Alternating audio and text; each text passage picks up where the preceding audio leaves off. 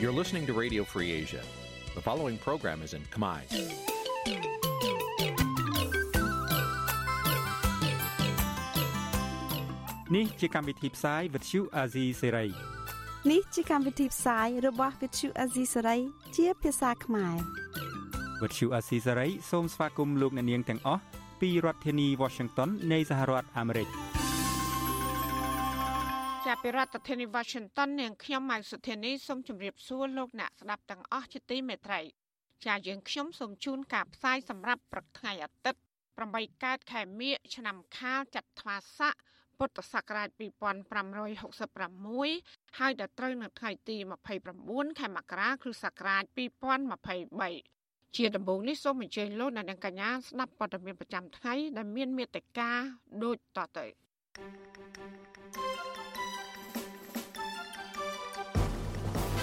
បរដ្ឋមួយចំនួនមិនរំពឹងថានឹងទទួលបានផលប្រយោជន៍ក្រោយដែលជនជាតិចិនត្រឡប់មកវិញ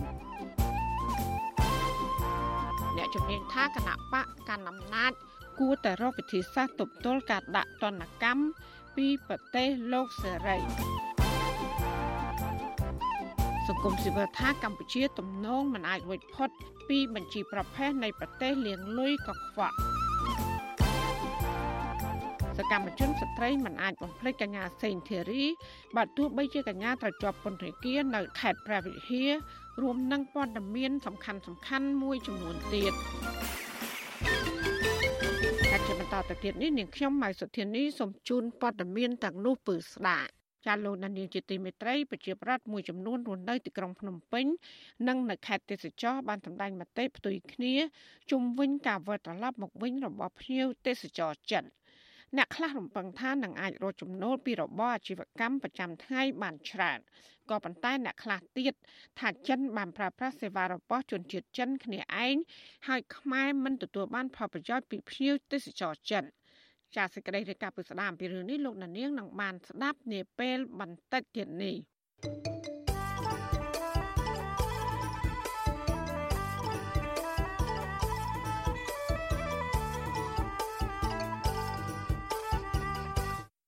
ចាលោកនានីជាទីមេត្រីគណៈបកប្រជាជនកម្ពុជា បានចាប់ផ្ដើមធ្វើមហាសន្និបាតវិសាមញ្ញតំណាងទូទាំងប្រទេសរយៈពេល2ថ្ងៃដើម្បីពិនិត្យកម្មវិធីគោលនយោបាយនិងយុទ្ធសាស្ត្រនៅក្នុងការបោះឆ្នោតថ្ងៃទី23ខែកក្កដាខាងមុខ អ្នកជំនាញកិច្ចការអន្តរជាតិយល់ឃើញថាគណៈបកកណ្ដាលអំណាចទំនងរិះរកវិធីសាស្ត្រទប់ទល់ជាមួយសហគមន៍អន្តរជាតិក្រោយការបោះឆ្នោតខាងមុខដើម្បីទប់ទល់នឹងការដាក់ទណ្ឌកម្មពីប្រទេសលោកសេរីចាលោកជាតិចំណានរាយការណ៍ព័ត៌មាននេះមហាសន្និបាតវិសាមញ្ញតំណាងទូទាំងប្រទេសរបស់គណៈបកកណ្ដាលអំណាចនៅពេលនេះតាក់ទងទៅនឹងការបោះឆ្នោតជាតិនៅខាងមុខទិដៅការងាររបស់គណៈបកកណ្ដាលអំណាចពិធីនេះធ្វើនៅទីស្នាក់ការកណ្ដាលរបស់គណៈបកប្រជាជនកម្ពុជា នៅក្រុងភ្នំពេញនៅថ្ងៃទី28ដល់ថ្ងៃទី29ខែមករាលោកនាយករដ្ឋមន្ត្រីហ៊ុនសែនដែលជាប្រធានគណៈបកប្រជាជនកម្ពុជាផងនោះបានថ្លែងណែនាំនឹងផ្ដល់អនុសាសន៍ពីកម្មវិធីនយោបាយរបស់គណៈបកនេះចំណែកប្រធានកិត្តិយសគណៈបកប្រជាជនកម្ពុជាលោកហេងសំរិនថ្លែងសន្ទរកថាបង្ហាញពីរបាយការណ៍លទ្ធផលនៃការអនុវត្តកម្មវិធីនយោបាយបកនេះដែលមានការចូលរួមពីសមាជិកអចិន្ត្រៃយ៍សមាជិកគណៈកម្មាធិការកណ្ដាលតំណាងគណៈបកទូទាំងប្រទេស រួមទាំងមន្ត្រីជាន់ខ្ពស់របស់គណៈបកប្រជាជនកម្ពុជាជាច្រើនរយនាក់ទៀតលោកហេងសំរិនសរសេរនៅលើទំព័រ Facebook របស់លោកថាគណៈបកប្រជាជនកម្ពុជាបានពិភាក្សាលើការអនុម័តរបាយការណ៍លទ្ធផលនៃការអនុវត្តកម្មវិធីនយោបាយគណៈបកពីឆ្នាំ2018ដល់ឆ្នាំ2023ទិសដៅភារកិច្ចឆ្នាំ2023និងការអនុម័តសេចក្តីព្រាងច្បាប់កម្មវិធីនយោបាយរបស់គណៈបកនេះសម្រាប់ការកសាងនិងការការពារមាតុភូមិក្នុងឆ្នាំ2023ដល់ឆ្នាំ2028ជាដើម ការអះអាងរបស់គណៈបកកណ្ដាលអំណាចពីការការពារមាតុភូមិឆ្នាំ2023ដល់ឆ្នាំ2028ទំនងគណៈបកនេះចង់សម្ដៅលើផែនការនៃការការពារអាសនៈសភាទាំង123ដែលគណៈបកនេះកំពុងគ្រប់គ្រងនៅរដ្ឋសភាវិទ្យុអស៊ីសេរីមិនអាចសុំការបញ្ជាក់បន្ថែមពីអ្នកនាំពាក្យគណៈបកប្រជាជនកម្ពុជាលោកសុកអេសានបានទេនៅថ្ងៃទី28ខែមករាប្រធានសហភាពសហជីពកម្ពុជានិងជាទីប្រឹក្សាសមាគមគ្រូបង្រៀនកម្ពុជាឯករាជ្យលោករងឈុនយល់ថា ការរៀបចំផែនការយុទ្ធសាស្ត្ររបស់គណៈបកកណ្ដាលអំណាចនៅពេលនេះគឺជាសកម្មភាពធម្មតាដែលគណៈបកនយោបាយធ្វើដើម្បីកំណត់ផែនការនយោបាយរបស់ខ្លួន។ទោះជាបែបនេះក្តីលោករងឈុនចង់ឃើញគណៈបកកណ្ដាលអំណាចគួរប្រើកម្មវិធីនយោបាយដែលជាការបង្កឲ្យមានការប្រកួតប្រជែងដោយស្មារភាពនឹងធ្វើយ៉ាងណាឲ្យការបោះឆ្នោតខាងមុខមានភាពត្រឹមត្រូវសេរីនិងយុត្តិធម៌ នៃអ្វីទេដូច្នេះប្រជាពលរដ្ឋចង់ឃើញការប្រកួតហ្នឹងប្រកួតដោយស្មារភាពដោយស្មោះត្រង់ហើយគេថាត្រូវតែបើកលំហសេរីភាពនយោបាយឲ្យដៃគូប្រកួតហ្នឹងមានសិទ្ធិសេរីភាពក្នុងការប្រកួតប្រជែងក៏ដូចជាការដើរជួបជាជនជួបអ្នកគ្រប់គ្រងជួបសកម្មជនធ្វើសកម្មភាពថាស្មើមុខស្មើមាត់គ្នាបាទសំណើរបស់លោករងឈុនបែបនេះក្រោយពេលលោកសង្កេតឃើញថាប៉ុន្មានខែចុងក្រោយ មានការគម្រាមកំហែងនិងការធ្វើទុកបុកម្នេញលើគណៈបកភ្លើងទៀនដែលជាគូប្រកួតប្រជែងជាមួយនឹងគណៈបកកណ្ដាលអំណាចស្រដៀងគ្នានេះដែរអ្នកជំនាញផ្នែកវិទ្យាសាស្ត្រនយោបាយនិងកិច្ចការអន្តរជាតិលោកអែមសវណ្ណរាយល់ថាគណៈបកកណ្ដាលអំណាចទំនងមិនបង្កឲ្យមានបរិយាកាសនយោបាយល្អក្នុងការបោះឆ្នោតខាងមុខនោះទេលោកបន្តថាគណៈបកកណ្ដាលអំណាចអាចនឹងរៀបចំយុទ្ធសាស្ត្រទប់ទល់ទៅនឹងការដាក់ទណ្ឌកម្មពីក្រមប្រទេសប្រជាធិបតេយ្យនៅក្រៅការបោះឆ្នោតកក្កដាខាងមុខនេះ។ សហគមន៍អន្តរជាតិដែលចង់បានបរិយាកាសល្អសហគមន៍អឺរ៉ុបលើកឡើងសហរដ្ឋអាមេរិកហើយជាមិនមានបរិយាកាសដែលលើកឡើងដូចមានចែងនៅក្នុងគោលការណ៍ច្បាប់រដ្ឋធម្មនុញ្ញឬក៏កិច្ចព្រមព្រៀងសន្តិភាពសង្គមប៉ារីសហើយជាមិនមានពេញលេញទេអញ្ចឹងប្រហែលជាមានសម្ពាធពីសហគមន៍អន្តរជាតិនៅក្នុងក្របខ័ណ្ឌណាមួយតើគណៈបកកម្មាត្រៀមខ្លួនរៀបចំបែបណាដើម្បីទប់នឹងសម្ពាធហ្នឹងណាបាទមុនការបោះឆ្នោតមកដល់លោកហ៊ុនសែនបានប្រកាសជាចំហថាលោកនឹងប្រើទាំងអំណាចតុលាការនិងហិង្សា ទៅលើគណៈបកភ្លឹងទៀនទន្ទឹមនឹងការប្រមាននេះមេដឹកនាំគណៈបកភ្លឹងទៀន3នាក់កំពុងជាប់បណ្ដឹងនៅតុលាការក្នុងនោះអនុប្រធានគណៈបកភ្លឹងទៀនលោកថាច់សេថាកំពុងជាប់ពន្ធនាគារក្នុងសំណុំរឿងចេញសាយស្អុយក្រុមអ្នកខ្លាំមើលលើកឡើងថាក្នុងពេលដែលបកកណ្ដាលអំណាចកំពុងធ្វើទុកបុកម្នេញទៅលើគណៈបកដែលជាគូប្រកួតប្រជែងរបស់ខ្លួនគណៈបកនេះបានព្យាយាមភ្ជាប់ខ្លួនជាមួយនឹងកសិករកម្មកររោងចក្រពលករនិងពលរដ្ឋនៅក្រៅប្រទេសជាដើមខ្ញុំបាទជាចំណាន Visual Assisray ប្រធានាទី Washington លោកដានៀងជាទីមេត្រីពាក់ព័ន្ធនឹងស្ត្រីខ្មែរសញ្ជាតិអាមេរិកកញ្ញាសេងធីរីដែលកំពុងជាប់ពន្ធនាគារនៅឯខេត្តប្រវត្តិហាស្ត្រីក្មេងៗមួយចំនួននៅតែគោរពស្រឡាញ់កញ្ញាហើយនឹកឃើញនៅភាពក្លាហានក្នុងការតស៊ូមតិដើម្បីសិទ្ធិសេរីភាពនិងលទ្ធិប្រជាធិបតេយ្យចាសសេចក្តីរាយការណ៍ពីស្ដាមពីរឿងនេះលោកដានៀងក៏នឹងបានស្ដាប់នាពេលបន្តិចទៀតនេះចាសសូមអរគុណ ចាលោកនាងកញ្ញាកំពុងស្ដាប់ការផ្សាយរបស់វិទ្យុអសីសេរីផ្សាយចេញពីរដ្ឋធានី Washington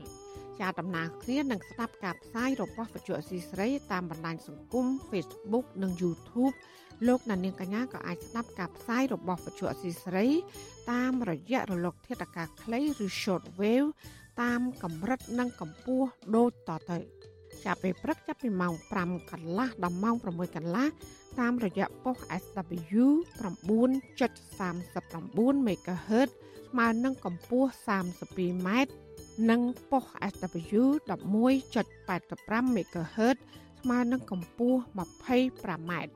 ចាសសម្រាប់ពេលយប់វិញចាប់ពីម៉ោង7កន្លះដល់ម៉ោង8កន្លះ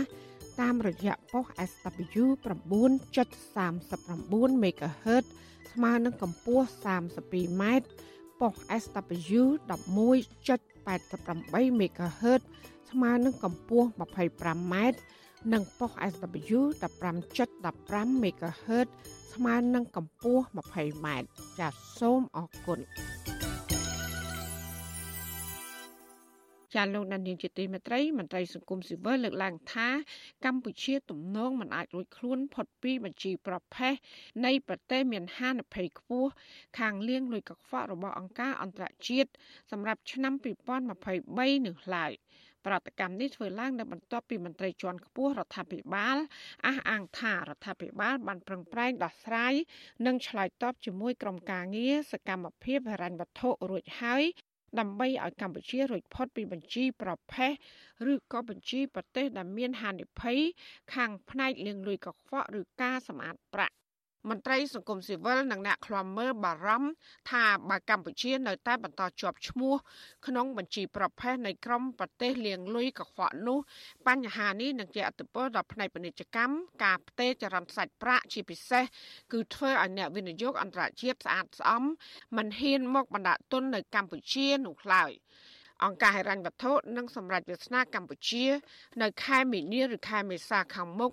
រឿងបញ្ជីប្រទេសដែលមានហានិភ័យខ្ពស់ខាងលៀងលុយកខ្វក់ អ្នកនាំពាក្យសមាគមការពារសិទ្ធិមនុស្សអាត6លោកសង្សានករណាមានប្រសាសន៍ថាបរដ្ឋទូទៅមិនចង់ឃើញកម្ពុជាជាប់ឈ្មោះនៅក្នុងបញ្ជីប្រភេទឬក៏បញ្ជីខ្មៅរបស់អន្តរជាតិនោះឡើយលោកថាកម្ពុជាអាចពិបាកនឹងទទួលបានពិន្ទុល្អសម្រាប់ឆ្នាំបន្ទាប់ទៀតព្រោះរដ្ឋាភិបាលហាក់ពុំទាន់ដោះស្រាយនៅមន្ទិលសង្ស័យធ្វើឲ្យអង្គការហិរញ្ញវត្ថុអាចជឿទុកចិត្តបាននៅឡើយកម្ពុជាត្រូវអនុវត្ត ធ្វើយ៉ាងណាឲ្យគេមានការជឿជាក់បានអំពីការទប់ស្កាត់អំពីការត្រួតពិនិត្យទៅលើប្រព័ន្ធនៃការលំហូរសាច់ប្រាក់ប្រកាសថាសាច់ប្រាក់នឹងគឺសាច់ប្រាក់ដែលមានការលំហូរចុះឡើងនឹងដោយសុចរិតភាពដោយប្រាក់បានមកពីការចំនួនជួញដូរក្នុងភាពត្រឹមត្រូវមិនមែនជាបទអក្រិតដើម្បីទទួលបាននៅថវិកានឹងគឺជាផ្នែកមួយសំខាន់ណាស់អញ្ចឹងផ្ទុយទៅវិញខ្ញុំមិនទាន់មានសង្ឃឹមទេដោយសារតែបញ្ហានៅកម្ពុជាយើងនឹងបញ្ហាដែលមានមន្ទិលសង្ស័យហើយ អន្តរជាតិគេមិនមានភាពទុកចិត្តបានទេទាំងពាក់ព័ន្ធទៅនឹងប្រព័ន្ធត្រួតពិនិត្យរឿងដំណាភាពរឿងអីទាំងអស់នេះប្រតិកម្មនេះធ្វើឡើងនៅបន្ទាប់ពីរដ្ឋលេខាធិការក្រសួងសេដ្ឋកិច្ចនិងហិរញ្ញវត្ថុលោកវង្សីវិសុទ្ធបានថ្លែងក្នុងវេទិកាសាធារណៈស្ដីពីការគ្រប់គ្រងម៉ាក្រូសេដ្ឋកិច្ចនិងច្បាប់ថាវិការជាតិឆ្នាំ2023កាលពីថ្ងៃទី25ខែមករាដោយលោកអះអាង ថារដ្ឋាភិបាល បានខិតខំប្រឆាំងនឹងការលាងលុយកខ្វក់លោកឲ្យដឹងដែរថារដ្ឋាភិបាល បានឆ្លើយតបនិងបំពេញកាតព្វកិច្ចតាមផែនការសកម្មភាពរួចហើយហើយក្រុមការងារហិរញ្ញវត្ថុក៏បានចុះមកធ្វើអធិការកិច្ចនៅកម្ពុជាកាលពីពេលថ្មីៗនេះរួចហើយដែរលោកសង្ឃឹមថាកម្ពុជាអាចរួចផុតពីបញ្ជីប្រភេទនៅខែមីនាឬខែមេសាខាងមុខ កាលពីខែមីនាឆ្នាំ2022កន្លងទៅ អង្គការឃ្លាំមើលអំពើលាងលុយកខ្វក់លើពិភពលោកឈ្មោះក្រុមការងារហិរញ្ញវត្ថុដែលមានមូលដ្ឋាននៅទីក្រុងប៉ារីសប្រទេសបារាំងបានបន្តដាក់ឈ្មោះកម្ពុជាក្នុងបញ្ជីប្រភេទ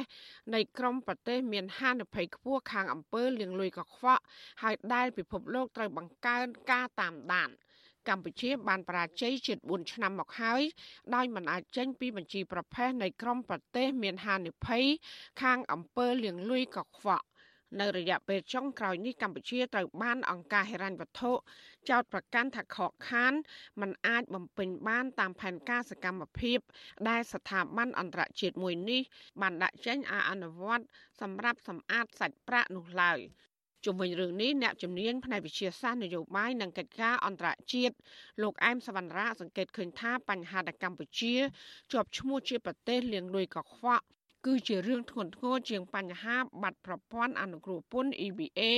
របស់សហភាពអឺរ៉ុបនិង GSP របស់សហរដ្ឋអាមេរិកទៅទៀត លោកបន្តថាបញ្ហាទាំងនេះគឺអាស្រ័យលើចំណាត់ការនិងកិច្ចសហប្រតិបត្តិការរបស់រដ្ឋាភិបាល ជាមួយអង្គការហិរញ្ញវត្ថុដើម្បីឆ្លើយតបក្នុងការទប់ស្កាត់បទល្មើសលាងលុយកខ្វក់នៅកម្ពុជា។ ទោះជាយ៉ាងណាលោកអែមសវណ្ណរាសង្កេតឃើញថារដ្ឋាភិបាលបានប្រឹងប្រែងធ្វើការងារលើរឿងនេះដែរក៏ប៉ុន្តែលោកថាសកម្មភាពទាំងនោះ នៅមិនទាន់ឆ្លើយតបឲ្យបានពេញលេញដែលធ្វើឲ្យកម្ពុជាអាចពិបាកទទួលបានលទ្ធផលជាវិជ្ជមាន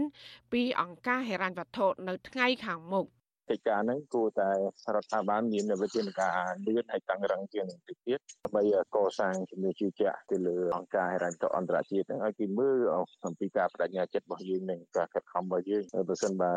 យើងធ្វើការនៅក្នុងកិច្ចសហប្រតិបត្តិការនៅក្នុងកម្រិតមួយនៅឡើយខ្ញុំគិតថាយើងពិបាកនឹងទទួលបានលទ្ធផលវិជ្ជមានពីអង្គការហិរញ្ញវត្ថុអន្តរជាតិនេះណាបាទ ប្រទេសកម្ពុជាបានរួចផុតពីបញ្ជីប្រភេទ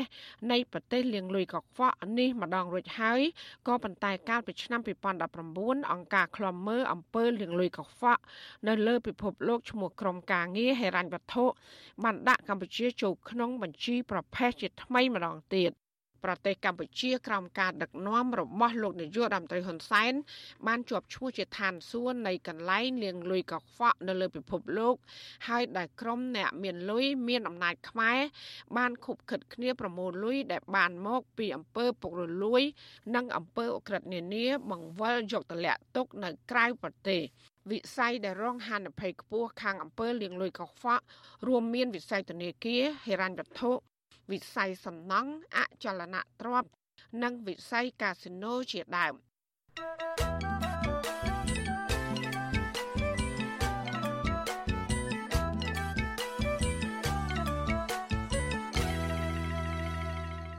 ចាលោកដានៀងជាទីមេត្រីបរដ្ឋមួយចំនួនរស់នៅទីក្រុងភ្នំពេញនិងនៅខេត្តទេសចរ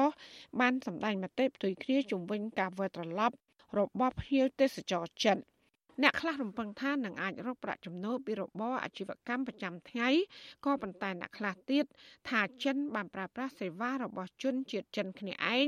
ហើយខ្មែរមិនទទួលបានផលប្រយោជន៍ពីភ្ញៀវទេសចរចិននោះឡើយ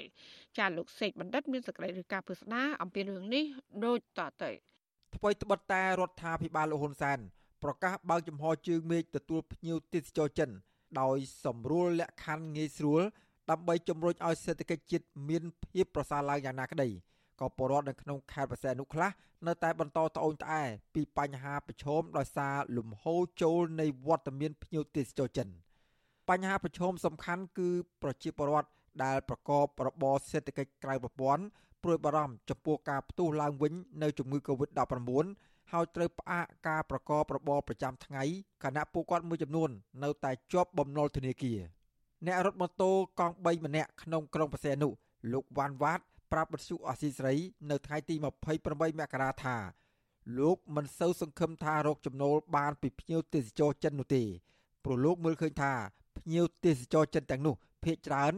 មានសេវាកម្មធ្វើដំណើររបស់ពួកគេហើយនៅពេលដែលពួកគេចេញដើរលេងកម្សាន្តម្ដងម្ដងជនជាតិចិនទាំងនោះតែងតែធ្វើដំណើរជាមួយអ្នករត់តាក់ស៊ីជាជនជាតិចិនដូចគ្នា លើពីនេះទៀតពួកគេព្រួយបារម្ភថា ប្រសិនបើរដ្ឋាភិបាលគ្មានវិធានការទប់ស្កាត់ជំងឺ Covid-19 នោះទេ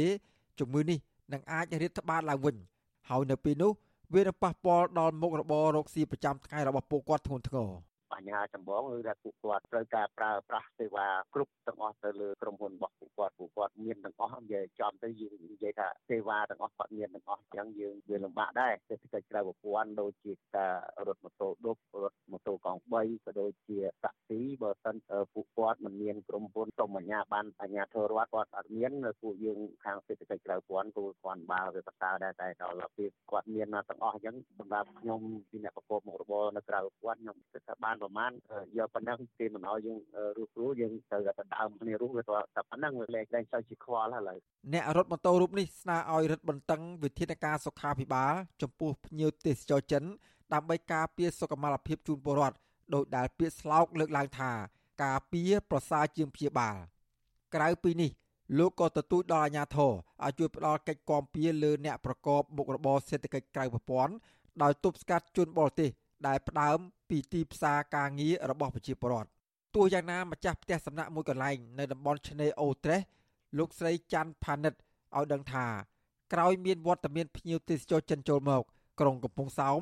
មានសភាពអ៊ូអរឡើងវិញហើយលោកស្រីរំពឹងថានឹងអាចរកចំណូលបានច្រើនជាងមុនទោះយ៉ាងណាលោកស្រីបញ្ជាក់ថាភ្ញៀវដែលមកជួលផ្ទះសំណាក់ស្នាក់នៅភ ieck ច្រើន ជាពលរដ្ឋខ្មែរ ចំណែកជនជាតិចិន មកជួលស្នាក់នៅ មានតិចតួចប៉ុណ្ណោះ។ក៏មុនចិននៅរឿងអ៊ូអដល់ចិនទៅអស់ទៅវាស្ងាត់អីតិចដែរហើយដល់ឥឡូវចិនមកចូលមកវិញមិនទៅមិនតាន់អ៊ូអហ្មងទេហើយណាមួយមានភ្ញៀវនៅក្នុងស្រុកយើងមកច្រើនអ្នកក្នុងពេញយើងហ្នឹងណាភ្ញៀវក្នុងស្រុកយើងគេមកលេងច្រើនទៅប្រូស៊ីបានគ្រាន់ដើរជាងមុនតាមមិនហឹកមុនអត់មានអត់មានភ្ញៀវមកហើយក៏កូវីដកូអីឥឡូវកូវីដក៏លេងមានទៅក៏ភ្ញៀវទេសចរចូលមកច្រើនយ៉ាងដែរគ្រាន់ដើរជាងមុន រីឯអ្នករត់ម៉ូតូកង់3ម្នាក់ទៀតនៅរាជធានីភ្នំពេញលោកសេម៉ៅថ្លែងថាមកទល់នឹងពេលនេះនៅទីក្រុងភ្នំពេញមិនទាន់មានវត្តមានជនជាតិចិនច្រើនកកនៅឡើយលោកសង្កេតឃើញថាបច្ចុប្បន្ននៅក្រុងភ្នំពេញហាក់ពុំមានភ្ញៀវទេសចរច្រើនដូចមុននោះទេ បន្ថែមពីលើនេះទៀតលោកក៏មិនរំពឹងថានឹងទាញបានប្រយោជន៍ពីភ្ញៀវទេសចរចិននោះដែរព្រោះលោកថាពួកគេកម្រជិះម៉ូតូកង់3ខ្មែរនឹងចាយលុយត្បិតត្បៀត រោងចក្រក៏បាត់អីក៏បាត់ទៀតដល់យ៉ាងដូចគ្មានជាវពីមុនមកជុំមួយថ្ងៃបាន20រៀលទៅ25រៀលអញ្ចឹងឥឡូវមួយថ្ងៃឲ្យតែបាន10រៀលឬ5 10រៀលវាច្រើនពេកវាមិនបានទៀតឥឡូវហ្នឹងបើកុំជាពាក់ធនាគារចំណូលប៉ុណ្ណឹងអាចទប់ទល់បានប៉ុន្តែដល់ថ្ងៃខ្ញុំជាពាក់ធនាគារនៅកូនខ្ញុំរៀនខ្ញុំដូចគ្មានទីរំពឹងនៅចិនគាត់ចេះគាត់មកគាត់ទៅជាហាធម្មតាទេគាត់ហៅតាមអេបតាមអីរហូតហ្នឹងគាត់គាត់ចង់គាត់គាត់នៅជាញៀវអឺរ៉ុបទេញៀវអឺរ៉ុបអាហ្នឹងចំណូលបានប្រជាជនច្រើនជាងបើញៀវចិននេះចំណូលបានរីករដ្ឋាភិបាលច្រើនជាងពាក់ព័ន្ធនឹងរឿងនេះដែរអាជីវករម្នាក់នៅខេត្តសៀមរាបឯនោះវិញមើលឃើញថាភ្ញៀវទេសចរចិនភ ieck ច្រើនពួកគាត់ចំណាយលើកន្លែងស្នាក់នៅបែបទំនើបនិងនៅតាមភោជនីយដ្ឋានលោកស្រីទេពកញ្ញាជាអ្នកលក់វត្ថុអនុស្សាវរីយ៍ក្នុងផ្សារចាស់ឲ្យដឹងថាភ្ញៀវទេសចរចិនភៀកច្រើនដើរលេងកំសាន្តនៅខេត្តសៀមរាប ពួកគេមិនសូវចំណាយលុយទិញវត្ថុអនុស្សាវរីយ៍នោះទេ ពី3ថ្ងៃនេះមានចិនមកច្រើនគួរសមដែរដើរដើរ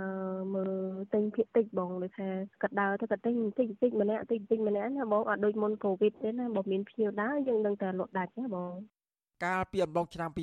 2016ចំនួនភ្ញៀវទេសចរចិនមកលេងកម្ពុជា មានចំនួន2លាន3សែននាក់គិតជាទឹកប្រាក់ប្រមាណជិត2000លានដុល្លារខណៈឆ្នាំ2023នេះក្រសួងទេសចររំពឹងថា នឹងមានភ្ញៀវទេសចរចិនមកកំសាន្តនៅកម្ពុជា ជាង2លាននាក់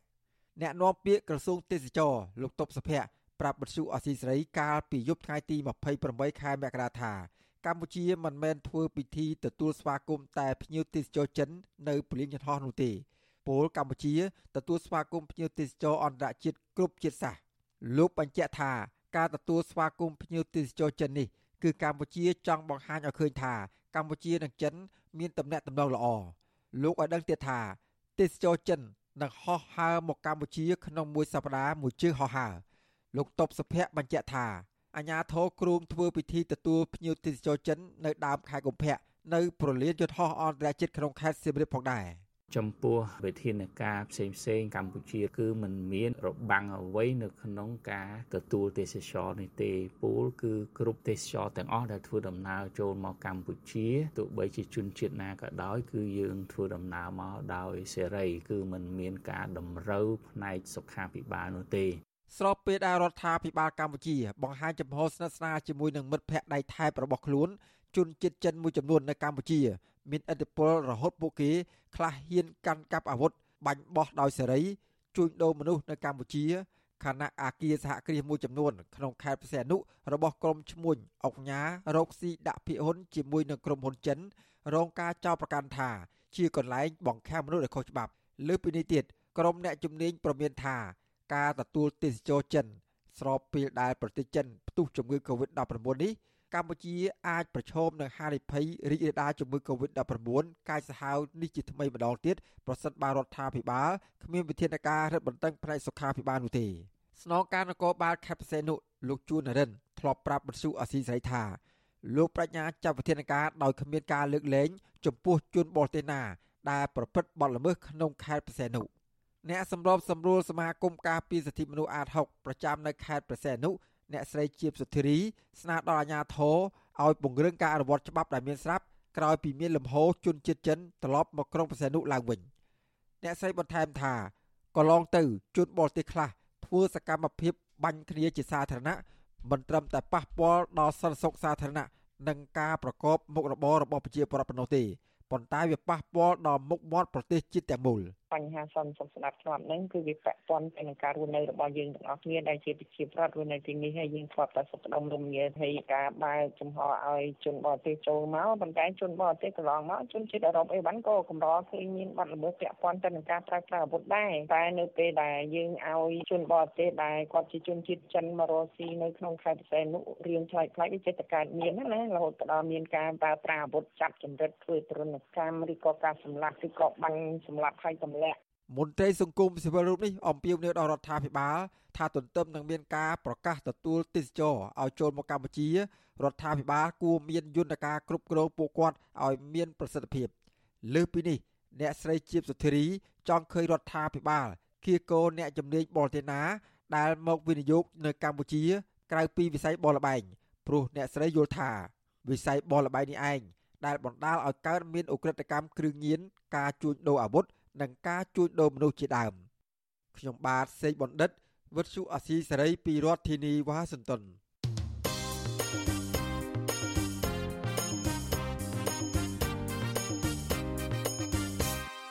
លោកនាយកជាទីមេត្រីនៅឯខេត្តបរសៃហនុអនុវិញតំណាងសហគមន៍ប្រៃនុ5នាក់បានដាក់លិខិតកាលពីថ្ងៃទី27ខែមករាកន្លងមកនេះដោយស្នើសុំឲ្យអភិបាលខេត្តនេះដោះស្រាយបញ្ហាដីធ្លីរបស់ពួកគាត់ការដាក់លិខិតនេះគឺទៅសារប្រវត្តិអះអាង ថាក្រុមហ៊ុន Ever Fortune Real Estate បានរំលោភបំពានយកដីរបស់ពួកគាត់ ជាង300ហិកតាហើយចោទប្រកាន់ប្រជាពលរដ្ឋថាបានលួចបន្លំឯកសារយកដីក្រុមហ៊ុនទៀតផងចាលោកយ៉ងច័ន្ទតារារាយការណ៍ព័ត៌មាននេះតំណាងប្រជាពលរដ្ឋរស់នៅភូមិអូតាសេកនិងភូមិអូតាប៉ាងក្នុងឃុំអុកញ៉ាហេងស្រុកព្រៃនប់ខេត្តព្រះសីហនុចំនួន5នាក់នាំគ្នាដាក់លិខិតទៅអភិបាលខេត្តលោកគួចចម្រើនដើម្បីស្នើសុំអន្តរាគមន៍ដោះស្រាយវិវាទដីធ្លីដែលពួកគាត់ចោទថា ក្រុមហ៊ុន Ever Fortune Real Estate បានរំលោភបំពានដីរបស់ប្រជាពលរដ្ឋជាង300ហិកតាតំណាងប្រជាពលរដ្ឋអះអាងថាក្រុមហ៊ុនបានគម្រាមកំហែងកាប់និងដុតផ្ទះរបស់ប្រជាពលរដ្ឋជាច្រើនខ្នងដើម្បីបង្ខំឲ្យពួកគាត់ចាក់ចេញពីដីនោះលើសពីនេះទៅទៀតថៅកែក្រុមហ៊ុន បានប្តឹងប្រជាពលរដ្ឋទៅតុលាការថែមទៀតមកទល់ពេលនេះតំណាងសហគមន៍លោកសុកច័ន្ទណារិតកំពុងជាប់ពន្ធនាគារព្រៃសរនិងប្រជាពលរដ្ឋ150គ្រួសារទៀត កំពុងជាប់បណ្ដឹងនៅតុលាការពីបទក្លែងឯកសាររំលោភយកដីក្រុមហ៊ុន ការចោទប្រកាន់នេះធ្វើឡើងបន្ទាប់ពីពួកគាត់តវ៉ាទាមទារដីដែលកំពុងរស់នៅនោះជាបន្តបន្ទាប់ប្រពន្ធរបស់លោកសុកច័ន្ទនរិទ្ធលោកស្រីសុកសុភីប្រាប់វិទ្យុអាស៊ីសេរីថាលោកស្រីស្នាក់នៅលើដីនេះជាយូរឆ្នាំមកហើយលោកស្រីស្នាក់នៅលើដីនេះជាយូរឆ្នាំមកហើយមិនដែលមានរឿងអ្វីទេទើបតែនៅឆ្នាំ2022ក្រុមហ៊ុន Ever Fortune Real Estate បានធ្វើទុកបុកម្នេញពលរដ្ឋកាន់តែខ្លាំងនិងចោទថាគ្រួសាររបស់លោកស្រីរស់នៅលើដីក្រុមហ៊ុនដោយខុសច្បាប់លោកស្រីបន្តថាថៅកែក្រុមហ៊ុន បានប្តឹងចាប់ប្តីលោកស្រីម្ដងទៀតពីបទក្លែងឯកសាររំលោភយកដីរួចបញ្ជូនទៅភ្នំពេញភ្លាមភ្លាមកាលពីថ្ងៃទី6ខែមករាបន្ទាប់ពីគាត់តវ៉ាទាមទារដីពីថៅកែក្រុមហ៊ុននោះ។ ខាងអាជ្ញាធរជួយដោះស្រាយយើង យើងដីជាប់ព្រំមទល់នឹងយើងដោះស្រាយគ្នាមកត្រូវបែងចែកគ្នាពីណាទៅណាអញ្ចឹងណាយើងសិតតែមានឈ្មោះជាប់នឹងព្រំមទល់ឲ្យយើងដោះស្រាយគ្នាមកខាងណាប្រហែលខាងណាប្រហែលហ្នឹងយើងយកគ្នាទៅដាក់គុកអញ្ចឹងធ្វើមិនដោះស្រាយគ្នាកើតបើសិនអាចមានលទ្ធភាពឲ្យដោះលែងគាត់ទៅដើម្បីយកគាត់ហ្នឹងមកដោះស្រាយជាមួយនឹងពួកក្រុមហ៊ុនតំណាងសហគមន៍លោកសុកច័ន្ទណារិទ្ធដែលជាអតីតមន្ត្រីយោធា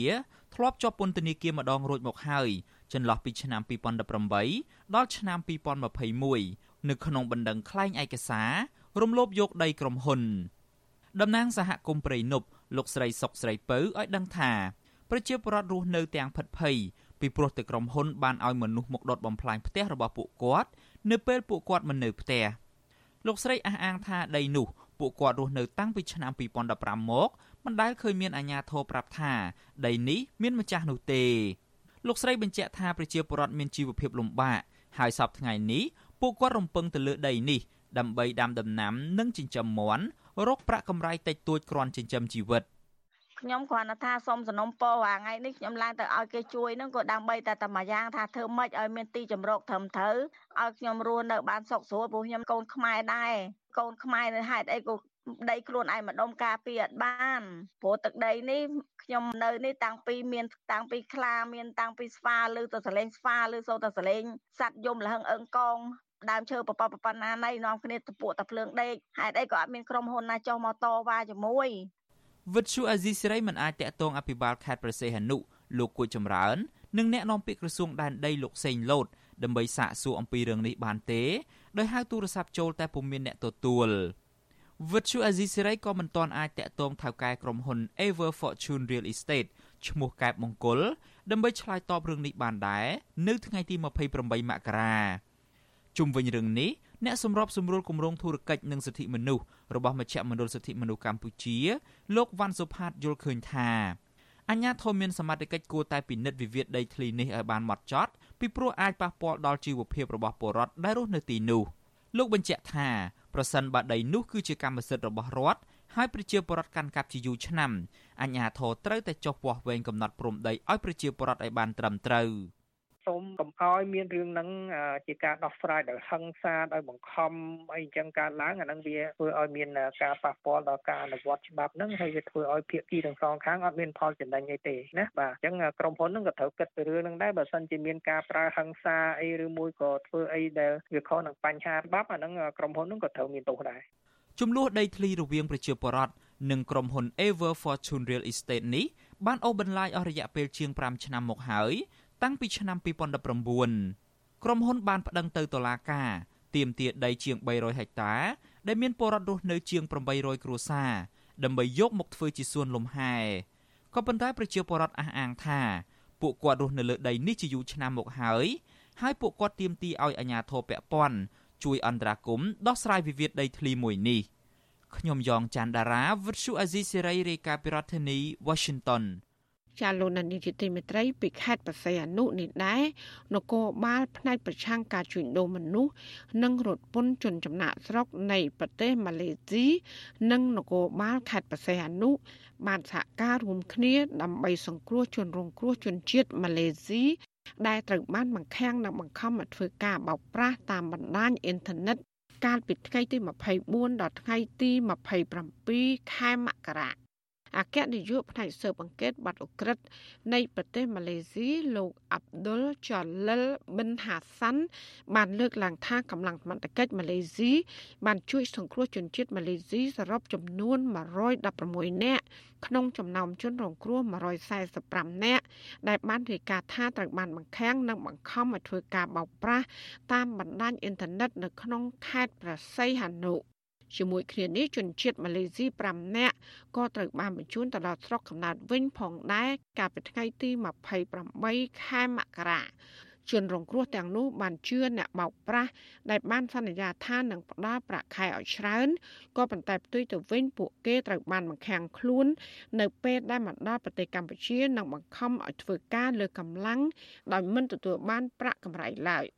ជនរងគ្រោះដែលសមត្ថកិច្ចជួយសង្គ្រោះកន្លងមកនេះរួមមាន ជនជាតិឥណ្ឌូនេស៊ីវៀតណាមថៃម៉ាឡេស៊ីចិនប៉ាគីស្ថានឥណ្ឌាមីយ៉ាន់ម៉ាឬភូមានិងហ្វីលីពីនជាដើម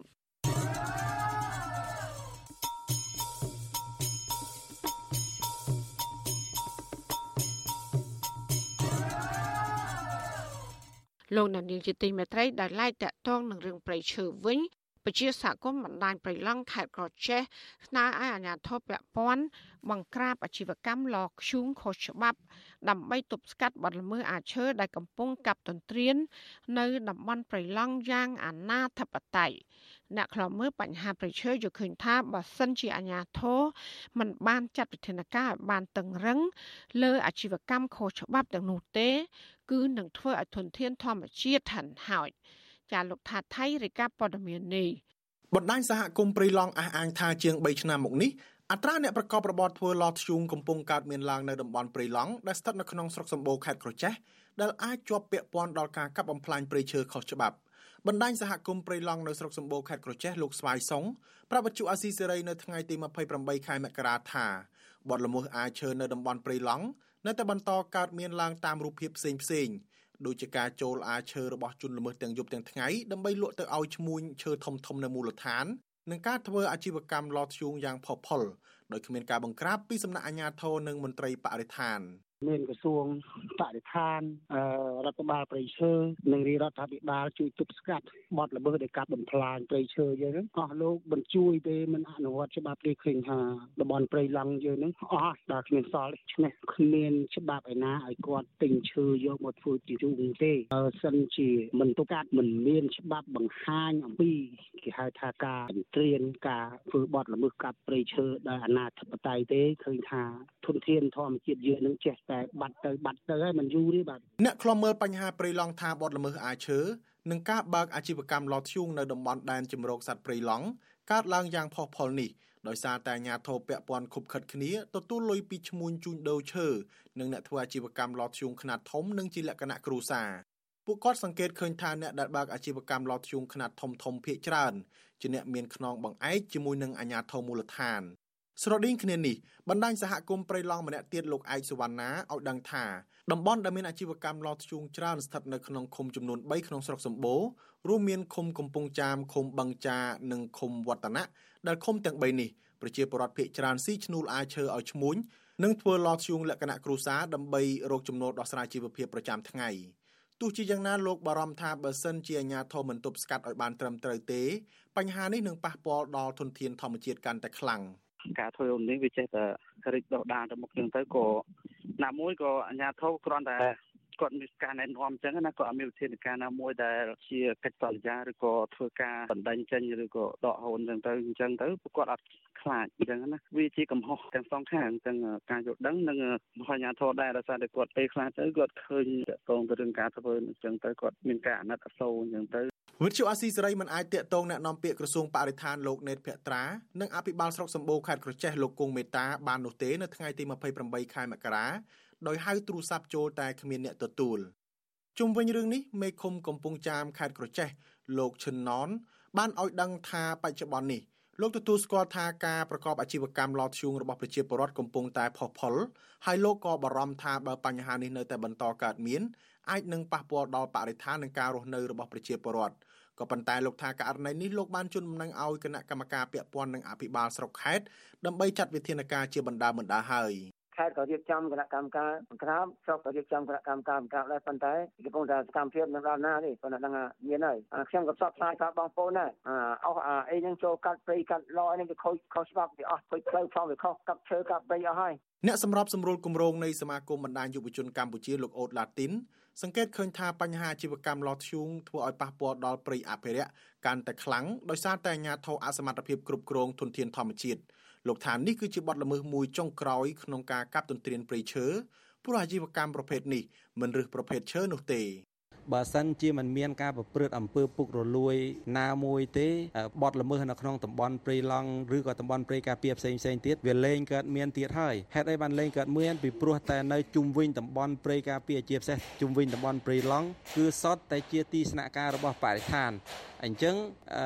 ឈើចាញ់ពីតំបន់ណាក៏មិនអាចគេចផុតពីភ្នែករបស់មន្ត្រីអនុវត្តច្បាប់នឹងដែរបើសិនជាពួកគាត់យកទួនាទីយកការទទួលខុសត្រូវរបស់គាត់ទៅប្រើប្រាស់ក្នុងការការពារទុនធានធម្មជាតិនៅក្នុងតំបន់នោះសកម្មជនព្រៃឈើក៏សម្គាល់ថាខេត្តក្រចេះមានបទល្មើសអាឈើធ្ងន់ធ្ងរជាងគេក្នុងតំបន់ព្រៃឡង់ដោយពួកគេសង្កេតឃើញថាអាញាធរតែងស្ទាក់យកលុយពីជនល្មើសជាធ្នូនឹងការមិនអនុវត្តច្បាប់ខ្ញុំថាថៃពីទីក្រុងមែលប៊ន ចាលោកនាយកជាទីមេត្រីមន្ត្រីសង្គមស៊ីវិលនិងអ្នកជំនាញផ្នែកសុខភាពចរាចរណ៍ផ្លូវគោកលើកឡើងថាការអំពាវនាវនឹងរដ្ឋបន្ទឹងច្បាប់តែមួយគ្រាគឺมันអាចកាត់បន្ថយគ្រោះថ្នាក់ចរាចរណ៍បានឡើយការលើកឡើងរបស់ពួកគាត់បែបនេះដោយសារករណីគ្រោះថ្នាក់ចរាចរណ៍នៅតែបន្តកើនឡើងពីមួយថ្ងៃទៅមួយថ្ងៃចាលោកយ៉ងច័ន្ទរាមានសេចក្តីរាយការណ៍មួយទៀតជំវិញព័ត៌មាននេះ សង្គមស៊ីវិលនិងអ្នកជំនាញផ្នែកចរាចរណ៍ផ្លូវគោកលើកឡើងថាការអនុវត្តច្បាប់ចរាចរណ៍មានភាពធូររលុងនិងការបណ្ដោយឲ្យជនបង្ករួចខ្លួននោះគឺជាមូលហេតុចម្បងដែលធ្វើឲ្យពលរដ្ឋមិនសូវគោរពច្បាប់ និងបណ្ដាលឲ្យមានគ្រោះថ្នាក់ចរាចរណ៍កើនឡើងអ្នកជំនាញផ្នែកកម្មវិធីសវត្ថិភាពចរាចរណ៍លោកគង់រតនៈប្រាប់វិទ្យុអាស៊ីសេរីនៅថ្ងៃទី28មករាថាយន្តការសំខាន់សំខាន់ដែលអាចកាត់បន្ថយបញ្ហានេះបាន គឺទាល់តែអាជ្ញាធរពាក់ព័ន្ធ ពង្រឹងការអនុវត្តច្បាប់បង្កើនការផ្សព្វផ្សាយអប់រំសុវត្ថិភាពចរាចរណ៍ទៅកាន់ប្រជាពលរដ្ឋនិងកែលម្អផ្លូវថ្នល់ឲ្យមានភាពល្អប្រសើរហើយប្រជាពលរដ្ឋត្រូវតែចូលរួមគោរពច្បាប់និងឲ្យតម្លៃទៅលើអាយុជីវិតអ្នកដទៃ។ យើងសង្កេតឃើញសប្តាហ៍ថ្ងៃហ្នឹងគឺគេច្រើនគាត់មានបានបើកបរប៉ុន្តែអេរិយាបថរបស់គាត់គឺគេហៅគាត់ទំនើងគាត់មិនគោរពគាត់អត់ចេះផ្ដល់ការអធិស្ឋានឲ្យជាដើមហើយយើងឃើញថាក៏មានវត្តមាននៃការប្រើប្រាស់គ្រឿងសង្វឹងនិងគ្រឿងញៀនហ្នឹងសម្រាប់អ្នកបើកបរឡានធំហ្នឹងគឺរហូតដល់ខាងសមត្ថកិច្ចគាត់ការចាត់ធ្វើតេស្តមានប្រហែលជា6ទៅ7%នៃអ្នកដែលបើកបរឡានធំនេះគឺមានវត្តមានគ្រឿងញៀនទៅទៀត ជាមធ្យមនៅក្នុងមួយថ្ងៃមានអ្នកស្លាប់ដោយសារតែគ្រោះថ្នាក់ចរាចរណ៍ចំនួន6នាក់និងរងរបួសជាង10នាក់ហើយថ្ងៃខ្លះអាចឈានដល់មានមនុស្សស្លាប់10នាក់ផងក៏មានជាពិសេសករណីគ្រោះថ្នាក់ចរាចរណ៍តែងតែកើតមានច្រើននៅក្នុងថ្ងៃបុណ្យទានធំធំ ដែលមនុស្សឈប់សម្រាកពីការងារហើយធ្វើដំណើរកម្សាន្តជាឧទាហរណ៍រយៈពេល2ថ្ងៃនៃពិធីបុណ្យចូលឆ្នាំប្រពៃណីចិននិងវៀតណាមកាលពីពេលថ្មីៗនេះ មានករណីគ្រោះថ្នាក់ចរាចរណ៍កើតឡើងចំនួន20លើកបណ្ដាលឲ្យមនុស្សស្លាប់8នាក់និងរងរបួសធ្ងន់ស្រាលចំនួន47នាក់របាយការណ៍របស់ក្រសួងសាធារណការនិងដឹកជញ្ជូនបង្ហាញថារយៈពេល9ខែឆ្នាំ2022គ្រោះថ្នាក់ចរាចរណ៍ផ្លូវគោកនៅកម្ពុជា បានកើតឡើងចំនួន2286លើកបណ្ដាលឲ្យមានអ្នកស្លាប់ជាង1300នាក់និងរងរបួសធ្ងន់ស្រាលជាង3000នាក់ជុំវិញរឿងនេះ ប្រធានមជ្ឈមណ្ឌលប្រជាពលរដ្ឋដើម្បីអភិវឌ្ឍនិងសន្តិភាពលោកយងកំឯងមានប្រសាសន៍ថាកត្តាដែលបណ្ដាលឲ្យគ្រោះថ្នាក់ចរាចរណ៍នៅតែកើនឡើងគឺបណ្ដាលមកពីការយល់ដឹងអំពីច្បាប់ចរាចរណ៍និងសុជីវធម៌របស់អ្នកបើកបរមួយចំនួន នៅមានកម្រិត ជាពិសេសការអនុវត្តច្បាប់មានភាពធូររលុងដោយសារតែជនបង្កហេតុតែងតែរួចខ្លួនបន្ទាប់ពីផ្ដាល់សំណងរដ្ឋបវេនីរួចលោកយល់ថាដើម្បីកាត់បន្ថយគ្រោះថ្នាក់ចរាចរណ៍ឲ្យមានប្រសិទ្ធភាព រដ្ឋាភិបាលត្រូវតែជំរុញការអនុវត្តច្បាប់ចរាចរណ៍ផ្លូវគោកឲ្យបានម៉ឺងម៉ាត់ជាងមុនដើម្បីឲ្យអ្នកបើកបរបង្កើនការប្រុងប្រយ័ត្នបន្ថែមការអនុវត្តច្បាប់យើងឃើញថាជាផ្នែកមួយការរឹតបន្តឹងខ្ញុំលឺអាការរឹតបន្តឹងនេះធ្វើជាចាំរាល់ឆ្នាំហ្នឹងប៉ុន្តែគាត់ថាប្រសិទ្ធភាពយើងនៅតែបាក់មើលឃើញប្រសិទ្ធភាពទលំទលាយនៅឡើយបាទរដ្ឋាភិបាលបានដឹងជាយូរមកហើយថាគ្រោះថ្នាក់ចរាចរណ៍បណ្ដាលមកពីការអនុវត្តច្បាប់ធូររលុង បើកបរលើសល្បឿនកំណត់និងបើកបរដោយមានស្ថានភាពស្រវឹងជាដើមក៏ប៉ុន្តែរដ្ឋាភិបាលមិនបានដោះស្រាយបញ្ហាទាំងនេះឲ្យមានប្រសិទ្ធភាពនោះទេផ្ទុយទៅវិញបែរជាលើកទឹកចិត្តឲ្យមានការផ្សព្វផ្សាយនិងការប្រើប្រាស់គ្រឿងស្រវឹងកាន់តែផុសផុលថែមទៀតកន្លងទៅលោកនាយរដ្ឋមន្ត្រីហ៊ុនសែននិងស្ថាប័នពាក់ព័ន្ធតែងតែអំពាវនាវឲ្យប្រជាពលរដ្ឋគោរពច្បាប់ដើម្បីកាត់បន្ថយគ្រោះថ្នាក់ចរាចរណ៍ជាពិសេសលោកហ៊ុនសែនថែមទាំងបង្កើតពាក្យស្លោកថាថ្ងៃនេះ ថ្ងៃស្អែកកុំឲ្យមានគ្រោះថ្នាក់ចរាចរណ៍ថែមទៀតក៏ប៉ុន្តែគ្រោះថ្នាក់ចរាចរណ៍នៅតែកើតមានច្រើនដដែលមន្ត្រីសង្គមស៊ីវិលគូសបញ្ជាក់ថារដ្ឋាភិបាលត្រូវតែមានការទទួលខុសត្រូវខ្ពស់នៅក្នុងការពង្រឹងការអនុវត្តច្បាប់ឲ្យបានស្មើភាពលុបបំបាត់អំពើពុករលួយ និងរកវិធានការកាត់បន្ថយគ្រោះថ្នាក់ចរាចរណ៍នេះឲ្យមានប្រសិទ្ធភាពបើពុំនោះទេប្រជាពលរដ្ឋខ្មែរនឹងបន្តបាត់បង់អាយុជីវិត នៅលើដងផ្លូវកាន់តែច្រើនថែមទៀត ខ្ញុំយ៉ងច័ន្ទដារាវិទ្យុអាស៊ីសេរីរាយការណ៍ពីរដ្ឋធានី Washington ចាលោកនានីជាទីមេត្រីស្ថាប័នពាក់ព័ន្ធរួមមានរដ្ឋបាលជលផល អង្គការមូលនិធិសកលសម្រាប់អភិរក្សធនធានធម្មជាតិ WWF និងក្រុមអ្នកជំនាញមកពីសហរដ្ឋអាមេរិកបានរួមគ្នាចុះកំណត់អត្តសញ្ញាណសត្វផ្សោតលើកទី1នៃឆ្នាំ2023នេះកាលពីថ្ងៃទី12ខែមករាដល់ថ្ងៃទី17ខែមករាដើម្បីតាមដានស្ថានភាពសត្វផ្សោតក្នុងទន្លេមេគង្គ ទិន្នន័យនេះនឹងត្រូវបានដាក់បញ្ចូលជាមួយទិន្នន័យដែលគេក្រុងចុះសិក្សាចំនួន2លើកទៀតនៅក្នុងឆ្នាំនេះដើម្បីឈានដល់ការបូកសរុបនិងចងក្រងរបាយការណ៍អំពីចំនួនសត្វផ្សោតនៅក្នុងឆ្នាំ2023 អង្គការ WWF បានបញ្ជាក់នៅលើទំព័រ Facebook ថារបាយការណ៍នេះមានសារៈសំខាន់ក្នុងការផ្ដល់បច្ចុប្បន្នភាពនៃចំនួនសត្វផ្សោតព្រមទាំងគ្រប់គ្រងដល់ភ្នាក់ងាររដ្ឋាភិបាល អង្គការដៃគូ និងអ្នកអភិរក្សស្វែងរកយុទ្ធសាស្ត្រថ្មីថ្មីបន្ថែមទៀតដើម្បីពង្រឹងកិច្ចការពារសត្វផ្សោតទន្លេមេគង្គកុំឲ្យបាត់បង់ ជំរឿនសត្វផ្សោតឆ្នាំ2020បានបង្ហាញថាមានសត្វផ្សោតត្រឹមតែ89ក្បាលប៉ុណ្ណោះដែលរស់នៅក្នុងទន្លេមេគង្គចាប់ពីខេត្តក្រចេះដល់ខេត្តស្ទឹងត្រែងការគម្រាមកំហែងរបស់សត្វផ្សោតរួមមាន ការនេសាទខុសច្បាប់ និងការសាងសង់ទំនប់វារីអគ្គិសនីនៅផ្នែកខាងលើនៃទន្លេមេគង្គ ចាតតងនឹងការងារអភិរក្សនេះដែរលទ្ធផលបឋមនៃជំរឿនសត្វស្លាបទឹកអាស៊ីបង្ហាញថា នៅតំបន់ការពារទេសភាពបឹងព្រែកលពៅនៅខេត្តតាកែវមានសត្វស្លាបចំនួន91ប្រភេទគណៈតំបន់ការពារទេសភាពអន្លង់ព្រីននៅខេត្តកំពត មានសត្វស្លាបចំនួន34ប្រភេទជំរឿនសត្វស្លាបទឹកអាស៊ីនេះធ្វើឡើងដោយអង្គការជីវិតធម្មជាតិនៅកម្ពុជា សហការជាមួយមន្ត្រីឧទ្យានុរក្សនៃតំបន់ការពារទេសភាពទាំងពីរនេះ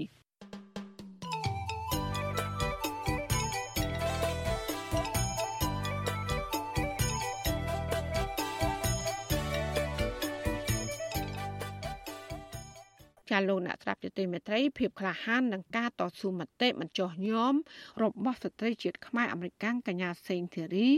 នៅតែដកជាប់ក្នុងចិត្តស្ត្រីវ័យក្មេងមួយចំនួន ដែលគោរពស្រឡាញ់កញ្ញាពួកគេនៅតែចាត់ទុកថាកញ្ញាសេងធីរី ដែលជាអ្នកច្បាប់ផងគឺជាគំរូនៃការតស៊ូមតិការការពារយុត្តិធម៌សង្គមសិទ្ធិមនុស្សនិងប្រជាធិបតេយ្យចាអ្នកស្រីសុជីវីមានសេចក្តីរាយការណ៍ពុស្ដាជំវិញព័ត៌មាននេះ ដូចតទៅយុវតីចលនាមេដាធម្មជាតិកញ្ញាភួនកែវរស្មីថ្លែងប្រាប់វិទ្យុអាស៊ីសេរីថាកញ្ញានិងក្រុមយុវតីនៅក្នុងក្រុមរបស់កញ្ញានៅតែយកភាពក្លាហានរបស់កញ្ញាសេងធីរី ជាគំរូជាប់ជានិច្ចក្នុងពេលពួកគេកំពុងធ្វើយុទ្ធនាការផ្សព្វផ្សាយពីកោះកុងក្រៅនិងការងារការពារបរិស្ថានដទៃទៀតកញ្ញាភួនកែវរស្មីបញ្ជាក់ថាកញ្ញាតែងទន្ទិញជាប់ក្នុងចិត្តថាកញ្ញាសេងធីរីសុកចិត្តជាប់ពន្ធនាគារ ដើម្បីតតាំងនឹងភាពអយុត្តិធម៌បើទោះបីជាកញ្ញាមានសញ្ជាតិអាមេរិកដែលអាចឲ្យកញ្ញាចាក់ចេញពីប្រទេសបានគ្រប់ពេលវេលាក៏ដោយជាមួយគ្នានេះរស្មីច្បាស់នៅក្នុងចិត្តថាកញ្ញាសេងធីរីដែលកំពុងជាប់ឃុំនៅពន្ធនាគារខេត្តព្រះវិហារនៅតែមានទឹកចិត្តមោះមុតមិនថមថយឡើយឆន្ទៈរបស់គាត់ហើយនឹងបុគ្គលដែលឆ្នើមដូចជាមីងសុធារីខ្ញុំជឿថាគាត់នៅតែមានទឹកចិត្តមោះមុត มันមានការបាក់ទឹកចិត្តមួយវិនាទីណាទេខ្ញុំជឿព្រោះដូចជាយកគំរូភាពនៅភាពក្លាហាន នៅភាពឆ្លាតវៃនៅភាពប៉ិនប្រសប់ការច្នៃប្រឌិតជាពិសេសទៀតគឺភាពដែលមិនមិនទុនតោរឹងមាំគ្រប់ពេលគ្រប់កលៈទេសៈរបស់គាត់ខ្ញុំជឿថាពេលហ្នឹងគាត់នៅតែប្រកាន់គោលចំហនៅតែមាន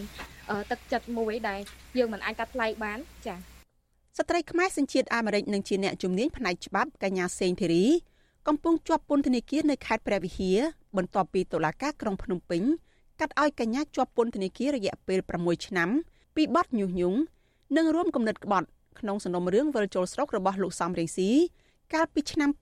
2019អញ្ញាធរចាប់ខ្លួនកញ្ញាទាំងតក់ក្រហល់កាលពីថ្ងៃទី14ខែមិថុនាខណៈកញ្ញាស្ថិតនៅខាងមុខតុលាការរងចាំស្ដាប់សាលក្រមអញ្ញាធរពន្ធនាគារបានបញ្ជូនកញ្ញាទៅឃុំនៅពន្ធនាគារខេត្តព្រះវិហារ នៅ4ថ្ងៃបន្ទាប់គឺនៅថ្ងៃទី18ខែមិថុនាដោយសំអាងហេតុផលថាបារម្ភពីបញ្ហាសន្តិសុខដែលអាចកើតចេញពីការតវ៉ាទាមទារឲ្យដោះលែងកញ្ញាពីពន្ធនាគារជាដើមមេធាវីនៃសមាគមអាត6ការពីក្តីឲ្យកញ្ញាសេងធីរីលោកសំទិតសីហា បានដាក់បណ្ដឹងឧទ្ធរជំទាស់នឹងការសម្ដែងរបស់សាលាដំបង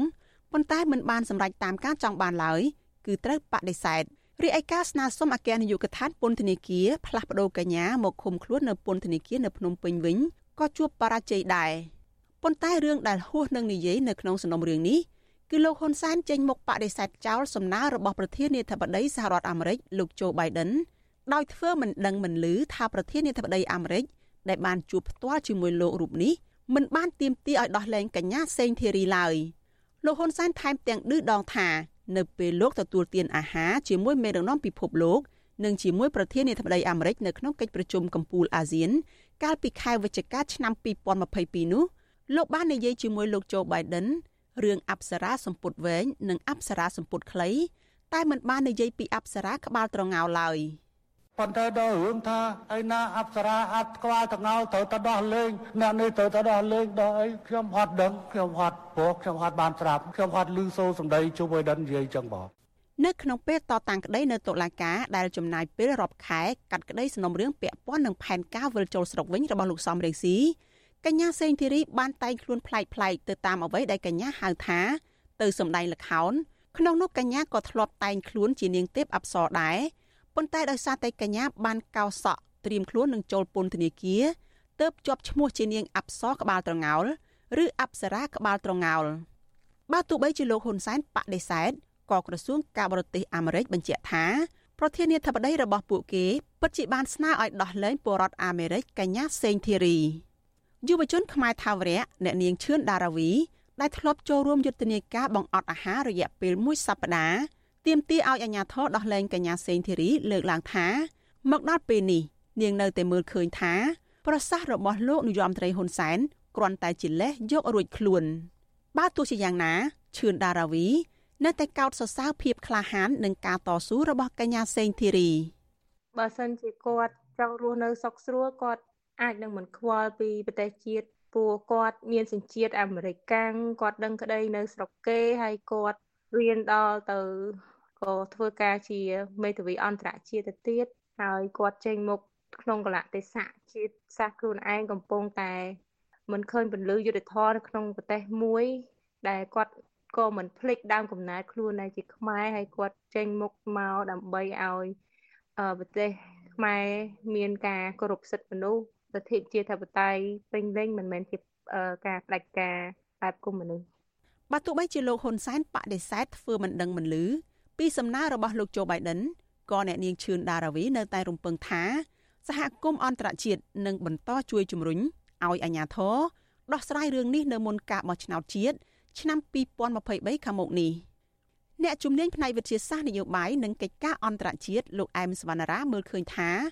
អ្វីដែលកញ្ញាសេងធីរីបានអនុវត្តនាពេលកន្លងទៅ ជាសកម្មភាពទូទៅរបស់ពលរដ្ឋនៅក្នុងសង្គមប្រជាធិបតេយ្យដែលអនុវត្តតាមគោលការណ៍សិទ្ធិមនុស្សជាសកល ប៉ុន្តែសកម្មភាពរបស់កញ្ញាបែរជាមានទោសទៅវិញ នៅក្រោមស្ថានភាពសង្គមបច្ចុប្បន្ននេះលោកទទួលស្គាល់ថាការទៀមទាឲ្យដោះលែងកញ្ញាសេងធីរីនឹងមិនបញ្ចប់ឡើយដោយសារសហរដ្ឋអាមេរិកតែងយកចិត្តទុកដាក់ពីសុខទុក្ខនៃពលរដ្ឋរបស់គេនេះប្រជាធិបតេយ្យពិតប្រាកដប្រធានាធិបតីឬក៏ប្រមុខរដ្ឋាភិបាលប្រមុខរដ្ឋរបស់គេគេយកចិត្តទុកដាក់លើពលរដ្ឋខ្លាំងណាស់ធៀបមួយកម្ពុជាវាខុសគ្នាវាផ្ទុយគ្នាស្រឡះនេះជាបញ្ហាមួយដែល ធ្វើឲ្យពលរដ្ឋកម្ពុជាយល់នឹងមើលឃើញប្រៀបធៀបដែរក៏ប៉ុន្តែខ្ញុំគិតថាទោះបីជារដ្ឋាភិបាលកម្ពុជាមិនឆ្លើយតបពេញលេញឬក៏មិនគេហៅថាលើកតាមសំណពររបស់ប្រធានាធិបតីសហរដ្ឋអាមេរិកក៏ដោយបញ្ហានៅថ្ងៃខាងមុខប្រហែលជាមានបញ្ហាលើកឡើងរនិចឡើងកាន់តែខ្លាំងប្រឈមគ្នានៃការ ទៀមទាដោះលែងលោកកញ្ញាសេងធារីនេះអ្វីក៏បច្ចុប្បន្នពុំមានសង្ឃឹមឬក៏ទំនឿនៃការដោះលែងឬក៏បន្ទូនៅសម្ដៅទោសរបស់កញ្ញាសេងធារីនេះបាទយ៉ាងណាក៏ដោយមកដល់ពេលនេះសម្បីតែការបន្ធូរបន្ថយឲ្យកញ្ញាសេងធីរី បានមកជាប់ពន្ធនាគារនៅភ្នំពេញក៏អាជ្ញាធរសមត្ថកិច្ចមិនពិចារណានៅឡើយមន្ត្រីនាំពាក្យរបស់អគ្គនាយកដ្ឋានពន្ធនាគារលោកនុតសាវណ្ណាធ្លាប់ប្រាប់វិទ្យុអាស៊ីសេរីថា ការតវ៉ាទាមទារឲ្យដោះលែងកញ្ញាសេងធីរីគឺជាដើមចមសំខាន់ដែលមិនអាចឃុំខ្លួនកញ្ញានៅភ្នំពេញបានបើទោះបីជាក្រុមស្ត្រីវ័យក្មេងមើលឃើញថាការឃុំខ្លួនកញ្ញាសេងធីរីឲ្យឆ្ងាយពីពួកគេរួមនឹងស្ថានភាពនយោបាយបច្ចុប្បន្នកំពុងរឹតបន្តឹងសេរីភាពពួកគេក៏ដោយក៏ពួកគេមិនផ្លាស់ប្ដូរជំហរគ្រប់គ្រងកញ្ញាសេងធីរីដែរហើយពួកគេនឹងរិះរកមធ្យោបាយតស៊ូមតិផ្សេងផ្សេងទៀត ដើម្បីបន្តទៀមទាឲ្យមានការដោះលែងកញ្ញាឲ្យមានសេរីភាពវិញ នាងខ្ញុំសុជីវីវិទ្យុអាស៊ីសេរីពីរដ្ឋធានី Washington thank you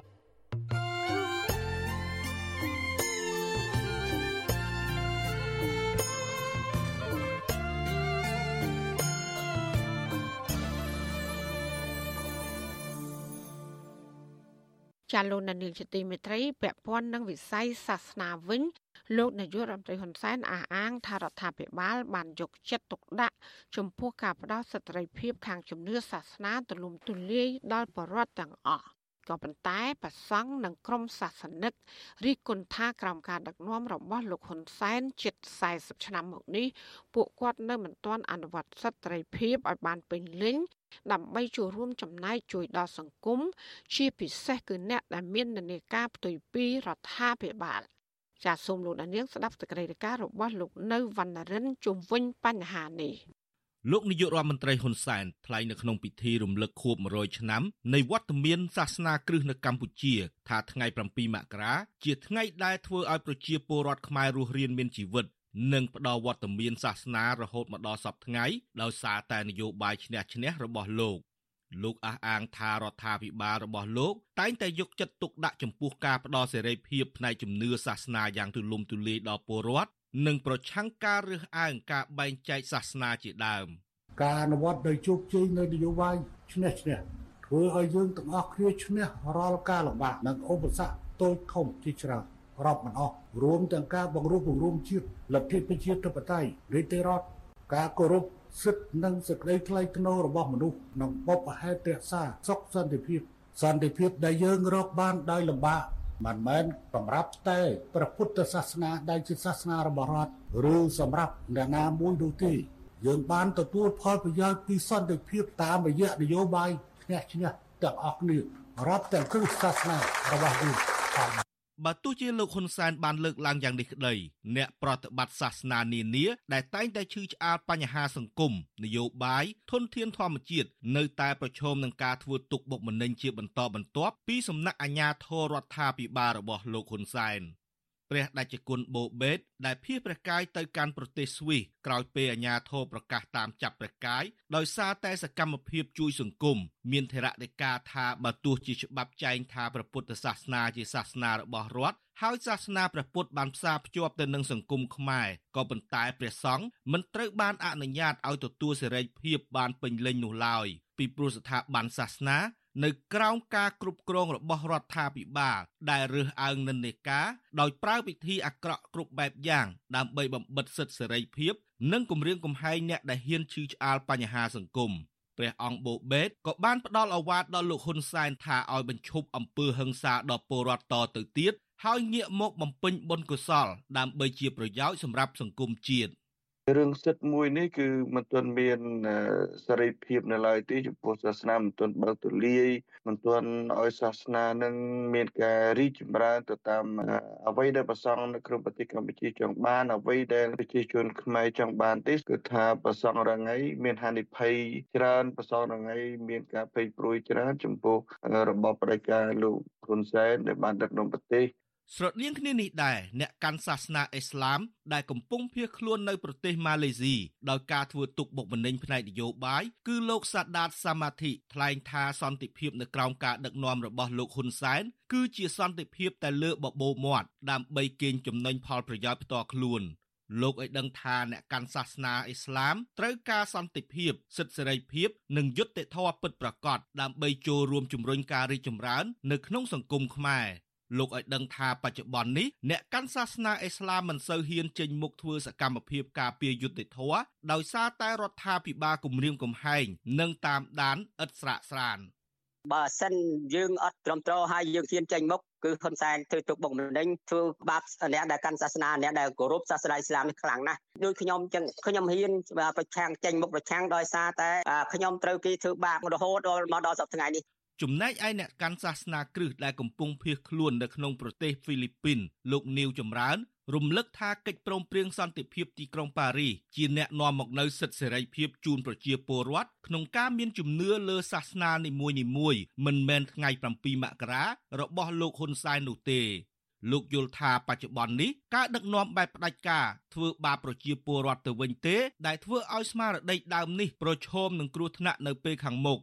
ខ្ញុំជឿទៅលើព្រះយេស៊ូវព្រះអង្គមានបន្ទូលថាព្រះអង្គឲ្យស្អប់ការអាក្រក់ឲ្យស្រឡាញ់ការល្អហើយលោកហ៊ុនសែនវាធ្វើអាក្រក់បាទមិនមែនលោកហ៊ុនសែនធ្វើល្អទេហើយនិយាយបោកកុហកពួកគេពួកគេអត់មានទៅចូលរួមជឿទៅលោកហ៊ុនសែនទេព្រោះហ្នឹងហើយបានជាហ៊ុនសែនមិនហ៊ានប្រកួតដោយត្រឹមត្រូវទេរដ្ឋាភិបាលរបស់លោកហ៊ុនសែនតែងតែបង្ក្រាបសិទ្ធិសេរីភាពរបស់ពលរដ្ឋណា ដែលហ៊ានបញ្ចេញមតិរិះគន់មិនថាខ្សែស្រឡាយរាជវង្សបញ្ញវន្តសកម្មជននយោបាយ ពលរដ្ឋសាមញ្ញនិងរហូតដល់ព្រះសង្ឃផងដែរតែងតែទទួលការធ្វើទុកបុកម្នេញគ្រប់បែបយ៉ាង ដូចជាការចាប់ដាក់ពន្ធនាគារការបាញ់សម្លាប់និងការរត់ភៀសខ្លួននៅក្រៅប្រទេសបែកបាក់គ្រួសារជាដើមជុំវិញរឿងនេះដែរប្រធានសមាគមការពារសិទ្ធិមនុស្សអាត6លោកនីសុខាមើលឃើញថារដ្ឋាភិបាល បានទទួលសេរីភាពខាងជំនឿសាសនា ដែលធានាដោយច្បាប់ជាតិនិងអន្តរជាតិពលរដ្ឋទាំងនោះមានសិទ្ធិចូលរួមយ៉ាងសកម្មនៅក្នុងកិច្ចការសង្គមនយោបាយសេដ្ឋកិច្ចនិងវប្បធម៌ក៏ប៉ុន្តែលោកក៏សម្គាល់ថាក្រមសាសនិកសាសនានានាដែលមាននិន្នាការមិនស្របនឹងរដ្ឋាភិបាល តែងតែប្រឈមហានិភ័យដដែលជាពិសេសព្រះសង្ឃដែលតែងតែរងការធ្វើទុកបុកម្នេញនិងភៀសព្រះកាយដោយសារការអនុវត្តសិទ្ធិសេរីភាព បីរក្សាសន្តិភាពមិនត្រូវរំលោភសិទ្ធិទេតែកណារំលោភសិទ្ធិវាធ្វើឲ្យអសន្តិភាពខ្ញុំលើកទឹកចិត្តថារដ្ឋាភិបាលដើម្បីឲ្យរក្សាបាននូវសន្តិភាពយូរអង្វែងឲ្យទៅជាអនាគតយូរអង្វែងសម្រាប់ប្រទេសជាតិរដ្ឋាភិបាលត្រូវតែខិតខំធ្វើយ៉ាងណាលើកកម្ពស់ការគោរពសិទ្ធិមនុស្សនឹងឲ្យបាននៅក្នុងប្រទេសរបស់យើងអានឹងបានយើងធានាបានសន្តិភាពនឹងទាំងអស់គ្នាបាទ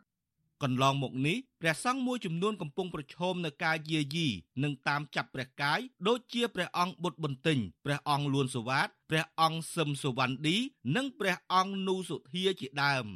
ចំណែកព្រះសង្ឃមួយចំនួនដែលមិនបានភៀសព្រះកាយទៅប្រទេសក្រៅអាជ្ញាធរបានចាប់ផ្សឹកនិងបញ្ជូនទៅឃុំខ្លួនដាក់ពន្ធនាគារព្រៃសរព្រះសង្ឃទាំងនោះបានចូលរួមសកម្មនៅក្នុងកិច្ចការសង្គមការការពារសិទ្ធិមនុស្ស មនុស្សធម៌និងការពារធនធានធម្មជាតិសហគមន៍ជាតិនិងអន្តរជាតិទទួលស្គាល់ទៀតផងទោះជាយ៉ាងនេះក្តីព្រះសង្ឃនៅតែក្លាយជាគោលដៅនៃការគម្រាមកំហែងធ្វើទុកបុកម្នេញនិងការបង្ខូចកេរ្តិ៍ឈ្មោះពីសំណាក់រដ្ឋាភិបាលលោកហ៊ុនសែនខ្ញុំបាទនៅវណ្ណរិន With Chu Azizi Saray ពីរដ្ឋធានី Washington